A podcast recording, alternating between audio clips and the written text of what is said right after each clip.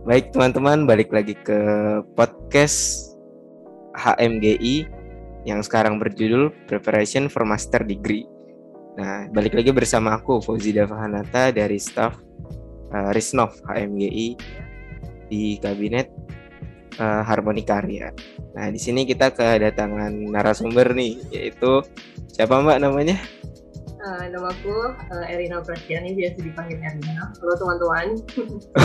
Oke. Ini ada Mbak Erina, yaitu dari luar negeri nih teman-teman nih, dari uh, Swedia ya Mbak ya? Iya, dari Swedia sekarang. Di, di Universitas. Uppsala lebih tepatnya. Oh iya, di Universitas apa Mbak? Uh, nama universitasnya Uppsala Universitas. Uppsala ya, Uppsala Iya, University. Uppsala. Nah, di Uppsala ini Mbak Erina ini masuk ke dalam geophysics juga ya Mbak ya? Iya, aku program studinya Geophysics Specialization itu under uh, Department of Physics di Uppsala University. Mantap. S2 ngeri ngeri.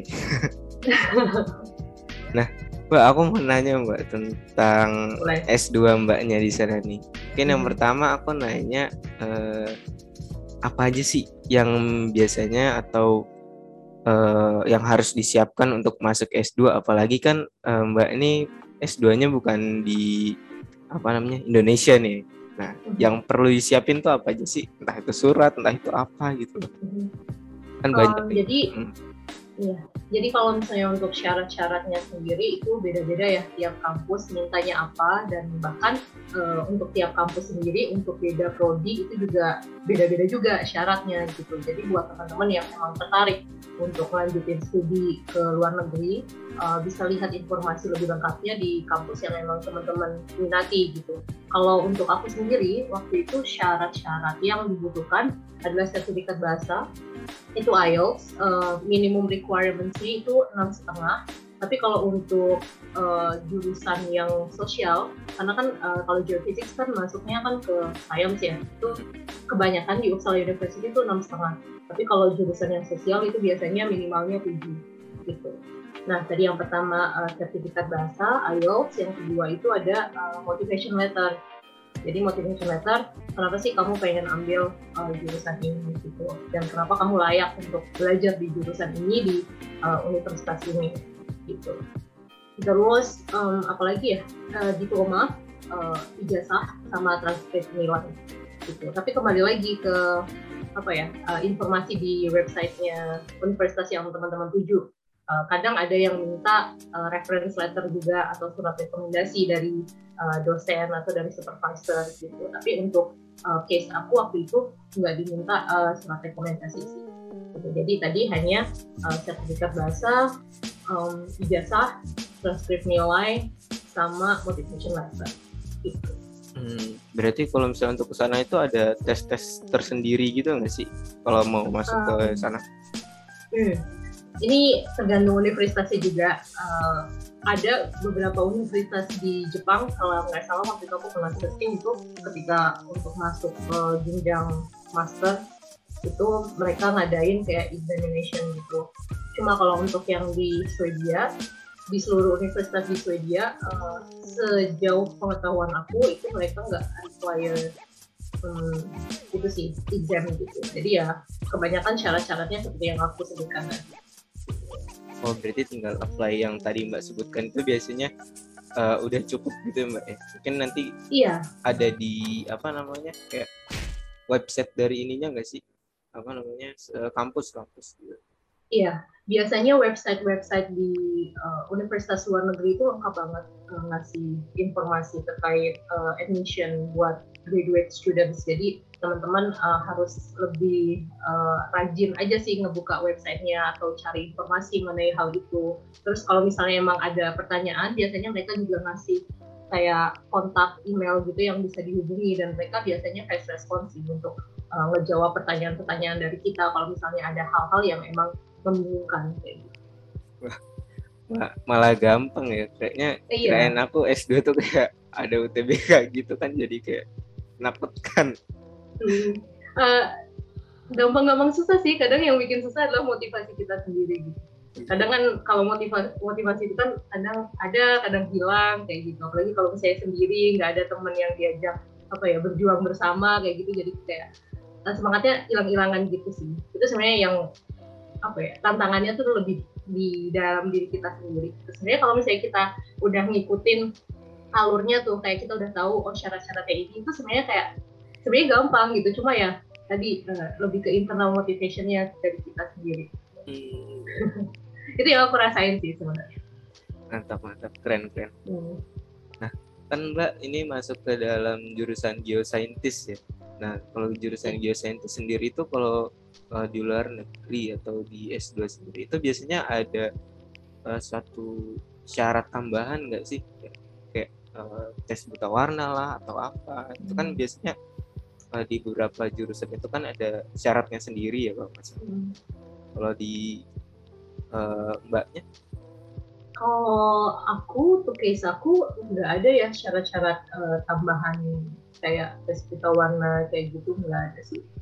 Jadi ya syarat-syaratnya berkas-berkasnya seperti yang tadi aku udah sampaikan di awal gitu. Cuma aku kurang tahu kalau misalnya untuk di universitas di tempat lain gitu apakah ada syarat tambahan atau enggak apalagi mungkin kalau kayak geologi gitu yang mungkin emang butuh apa ya kemampuan untuk tidak buta warna gitu mungkin dibutuhkan juga mungkin ya cuma aku sejauh uh, pemahaman aku aku nggak pernah nemu sih uh, syarat tambahan yang semacam itu.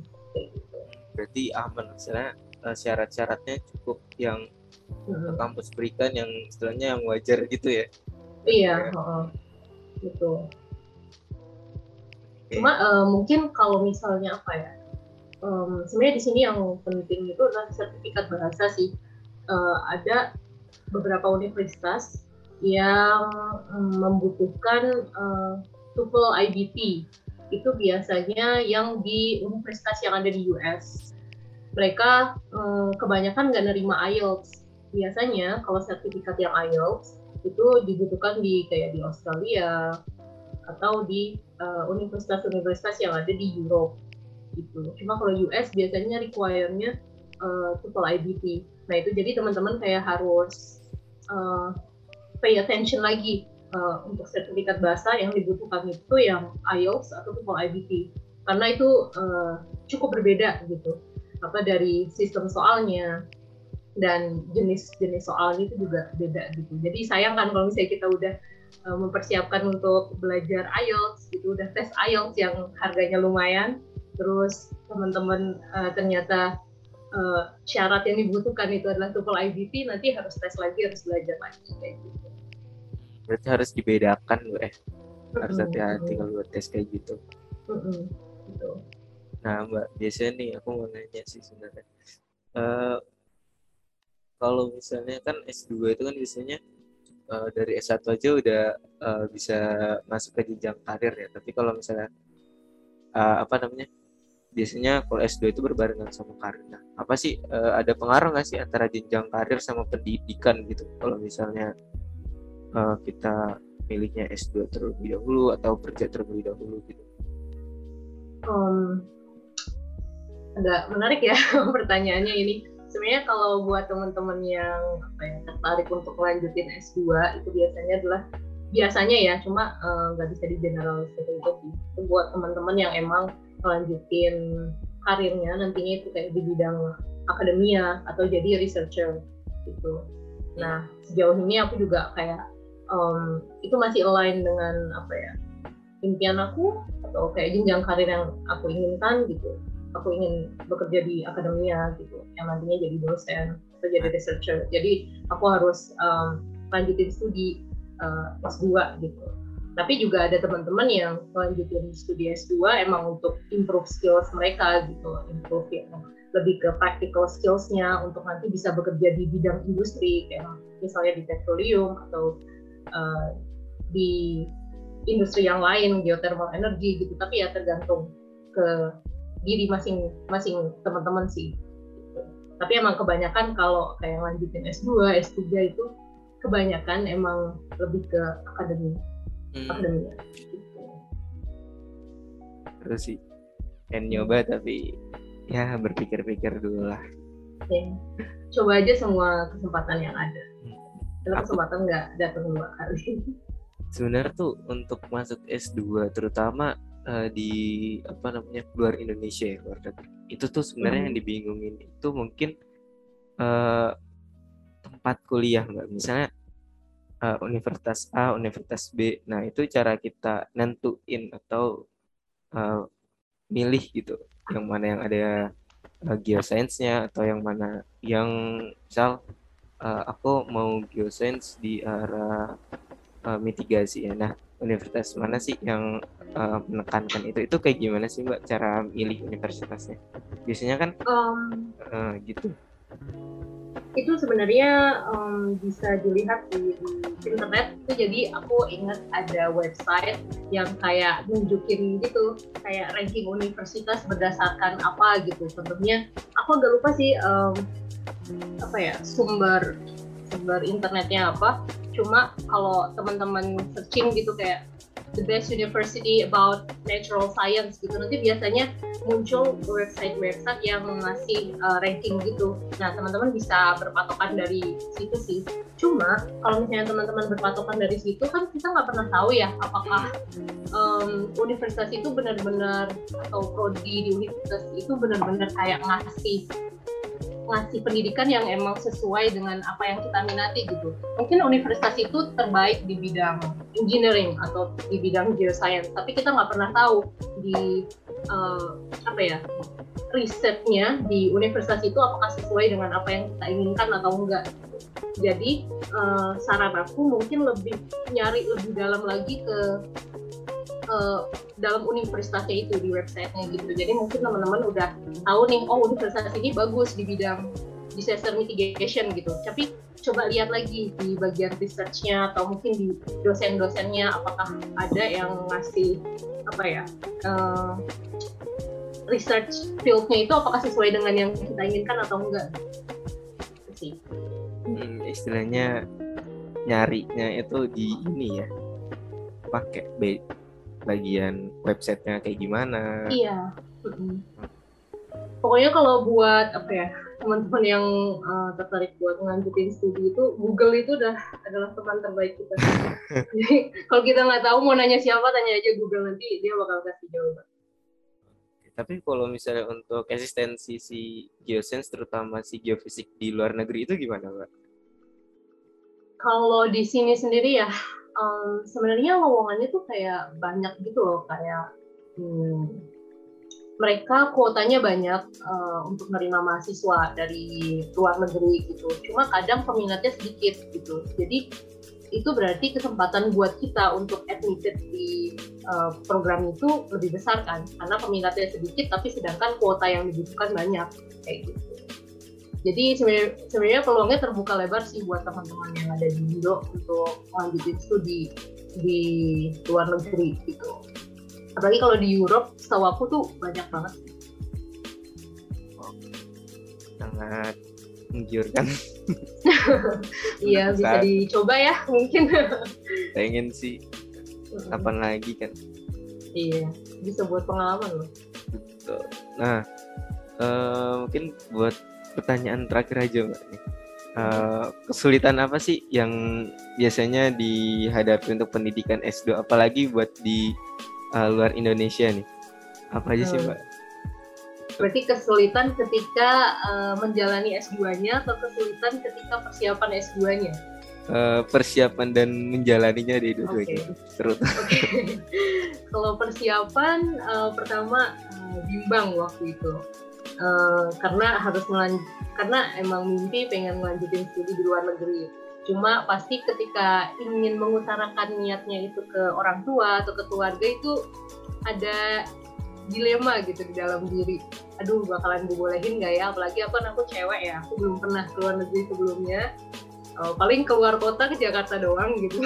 Kan keluar pulau kayaknya belum pernah gitu kan. Uh, terus jadi uh, dilema dari dalam diri uh, gimana sih cara mengutarakan niatnya ke uh, orang tua atau ke keluarga gitu.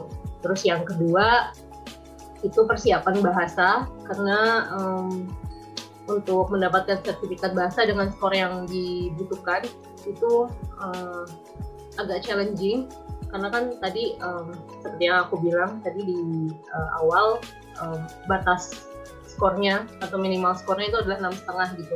Sedangkan aku tahu untuk mencapai enam setengah itu uh, tidak mudah gitu. Jadi butuh waktu lama untuk uh, belajar bahasa gitu. Dan butuh apa ya komitmen uh, juga untuk terus belajar bahasa untuk bisa terus mendapatkan uh, skor yang diinginkan itu. Terus apa ya kayaknya dua itu aja untuk yang apa kesulitan atau tantangan uh, ketika persiapan uh, S2-nya uh, ya terus ketika S2-nya uh, banyak banget kesulitannya. Uh, yang pertama uh, culture shock. Karena uh, biasanya hidup di negara tropis ya iya, uh, hangat gitu kan. Uh, sedangkan di sini kan aku kan di utara di Swedia yang kalau uh, musim salju itu bisa minus 23 derajat. Jadi emang uh, lebih ke mengadaptasi tubuh aku yang bawaannya tubuh tropis tapi jadi harus uh, tahan dingin gitu. Uh, terus apa ya yang biasanya uh, ngomongnya pakai bahasa Indonesia terus di Indonesia sedangkan di sini ngobrol sama dosen harus pakai bahasa Inggris. Jadi kayak mikirnya dua kali gitu. Apa namanya aduh ditranslate dulu lah ini ke bahasa Inggris. Terus habis itu dalam otak juga translate dulu nih dosennya ngomong apa ya gitu. Aku uh, awal-awal kuliah itu cukup kesulitan apalagi ketika pengen nanya di kelas gitu juga harus mikir dulu aduh ini bahasa Inggris siapa? Jadi ya ketika kuliah tuh harus buka Google Translate dulu lah gitu. Oh. tapi uh, di sini enaknya dosen-dosennya tuh sangat open gitu. Jadi mereka sabar gitu dan mereka uh, paham gitu karena bahasa kita bahasa student itu adalah bukan bahasa Inggris untuk bahasa ibunya jadi mereka paham gitu. Um, kalau mereka juga mungkin uh, kadang kesulitan nangkap apa yang kita utarakan gitu. Jadi mereka biasanya uh, nanya lagi what do you mean? gitu. Do you mean that? bla bla bla bla kayak nah itu tadi um, uh, cuaca atau suhu terus uh, bahasa terus um, apa ya mungkin mental juga ya. Soalnya kan jauh dari keluarga inti kan. Biasanya kan kalau di rumah uh, stres dikit atau misalnya sakit dikit ya udah pulang ke rumah. Sedangkan di sini stres dikit. Uh, sakit dikit nggak bisa langsung pulang ke Indo kan jauh kan. Soalnya 16 jam gitu.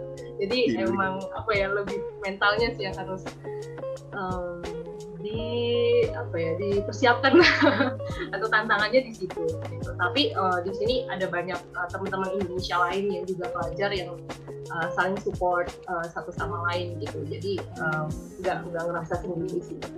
Hmm, oh iya Bres. Biasanya kalau di luar negeri itu ada apa namanya pengumpulan mahasiswa Indonesia-nya juga ya, Mbak ya? Uh, uh, uh, namanya PPI Perhimpunan Pelajar Indonesia. Kalau di aku uh, PPU Salah Himpunan Pelajar Indonesia di Sapa. Jadi teman-teman nggak akan ngerasa sendiri sih karena teman-teman bakalan bisa tuh ngobrol pakai bahasa Indonesia kok dengan pelajar-pelajar Indonesia. oh ya, terus sama tantangan berikutnya ada lagi nih yang sebenarnya juga penting. Apa tuh? Kemampuan masak. aku aku dulu nggak bisa masak sama sekali. Kalau di sini nggak masak nggak makan. Jadi oh, iya? mau nggak mau jadi uh, ke trigger untuk untuk bisa masak gitu. Kenapa? Karena kalau di sini beli makanan di luar harganya mahal banget. Sekali makan itu kalau dirupiahin tuh bisa tiga ratus ribu, dua ratus ribu. Oh. Jadi mau nggak mau harus masak. Gitu. Jadi ini buat teman-teman yang iya buat teman-teman yang tertarik buat studi di luar negeri kemampuan lain yang harus ditingkatkan selain kemampuan bahasa adalah kemampuan masak ya. Kemampuan masak. Di sana tuh udah nggak ada burjo-burjo ya mbak ya? Oh, tentu tidak ada. Ini bukan Jogja, Bapak. Indomie nggak ada, aduh.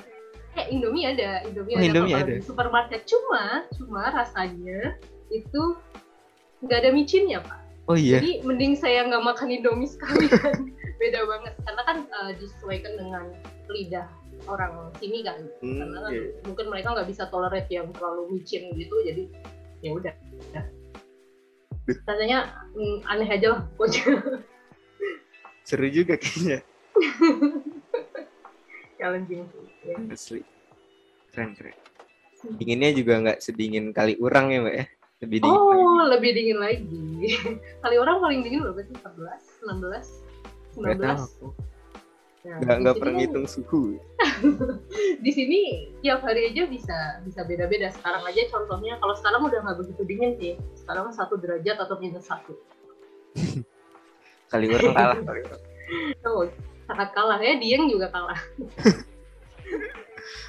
Oke gitu aja dari podcast kali ini gimana seru nggak nih dari cerita S2 dari Mbak Erina ya kalau teman-teman mau ada kesempatan buat yang lebih lanjut apalagi di luar negeri nih di uh, Swedia nemenin Mbak Erina di sana mungkin bisa apply uh, apa yang tadi udah dikasih tahu tuh nanti tinggal ditunggu gitu Oke mungkin gitu aja dari podcast kali ini. Saya Fauzi Dava Hanata pamit undur diri. Semangat buat teman-teman. Goodbye.